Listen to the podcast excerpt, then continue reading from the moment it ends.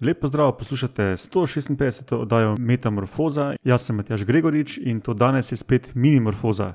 Se pravi, kratka oddaja, ker zelo na hitro predstavim nove raziskave, ki se niso uvrstile v glavno oddajo. Povezave do poljudnih in znanstvenih člankov, kjer si lahko preberete več o teh raziskavah, pa seveda v zapiskih. Sicer pa Metamorfoza ima svojo spletno bazno postajo na medijskem mreži Metina Lista, Uh, ustvarjalce nas dobite na metamorfoza, afnametinalista.ca ali na socialnih medijih. In najboljše, da kar začnemo. Raziskava ena. Gorile so znane potem, da se samci točajo po prsih, to zihar vsi poznate iz dokumentarcev in filmov. In s tem točenjem po prsih bi naj signalizirali svojo telesno velikost, ki je pomembna v potegovanju za naklonjenost samic.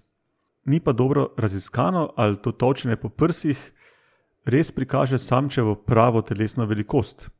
V živalskem svetu namreč se pogosto zgodi, da je takšna signalizacija neiskrena, kar pomeni, da del osebkov v neki skupini laže o lastnosti, ki jo signalizirajo. In v novi raziskavi ugotavljajo, da gre pri točenju po prsih za iskren signal o telesni velikosti. Eh, večji, ko je gorili samec, bolj nizek ton točenja producira, in veliki samci so tudi dominantnejši in zaplodijo več potomcev. Raziskava 2. Raziskovalce v glavnem zanima, kako se tekom evolucije spremenja velikost možganov in centrov za določene funkcije. V novi raziskavi so pri 38 vrstah glodavcev ovrednotili velikost možganov in centre za voh, za gibalne sposobnosti in za stabilizacijo vida. Ugotovili so, da imajo vrste, ki živijo v krošnjah dreves, naprimer veverice, večje možgane in bolj razvite centre za stabilizacijo vida in za motoriko.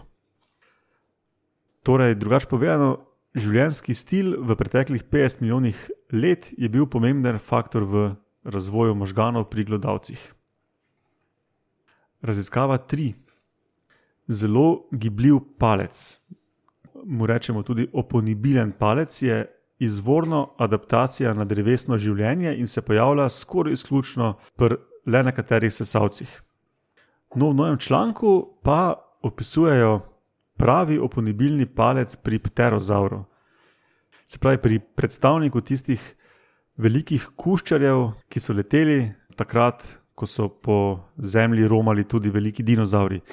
No, in uh, ta vrsta, ki ima oponibilni palec, je v obdobju Jure prebivala v gozdovih današnje Kitajske. Um, oponibilni palec pri nesesavcu je kar zanimiva najdba. Raziskava štiri. Bogomolke so že same po sebi zanimive in po izgledu nenavadne žuželke.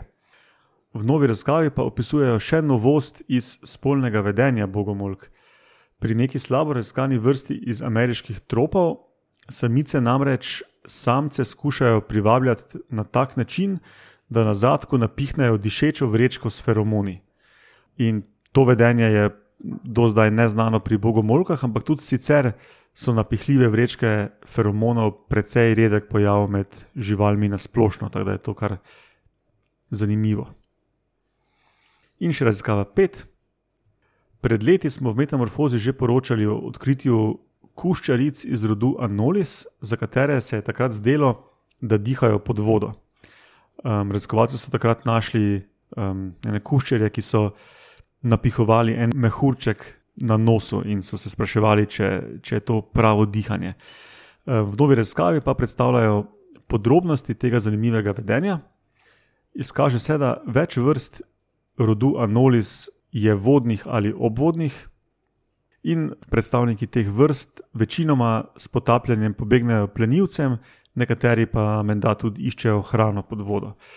No, in ti kuščari pod vodo dihajo tako, da ponovno vdihnejo že izdihan mehurček zraka, se pravi, en mehurček zraka um, vdihujejo in izdihujejo.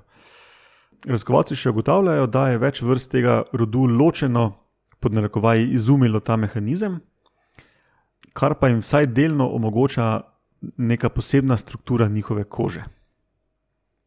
Ok, to je bilo to za danes in se slišimo v naslednji 157. redni oddaji Metamorfoza. Adijo!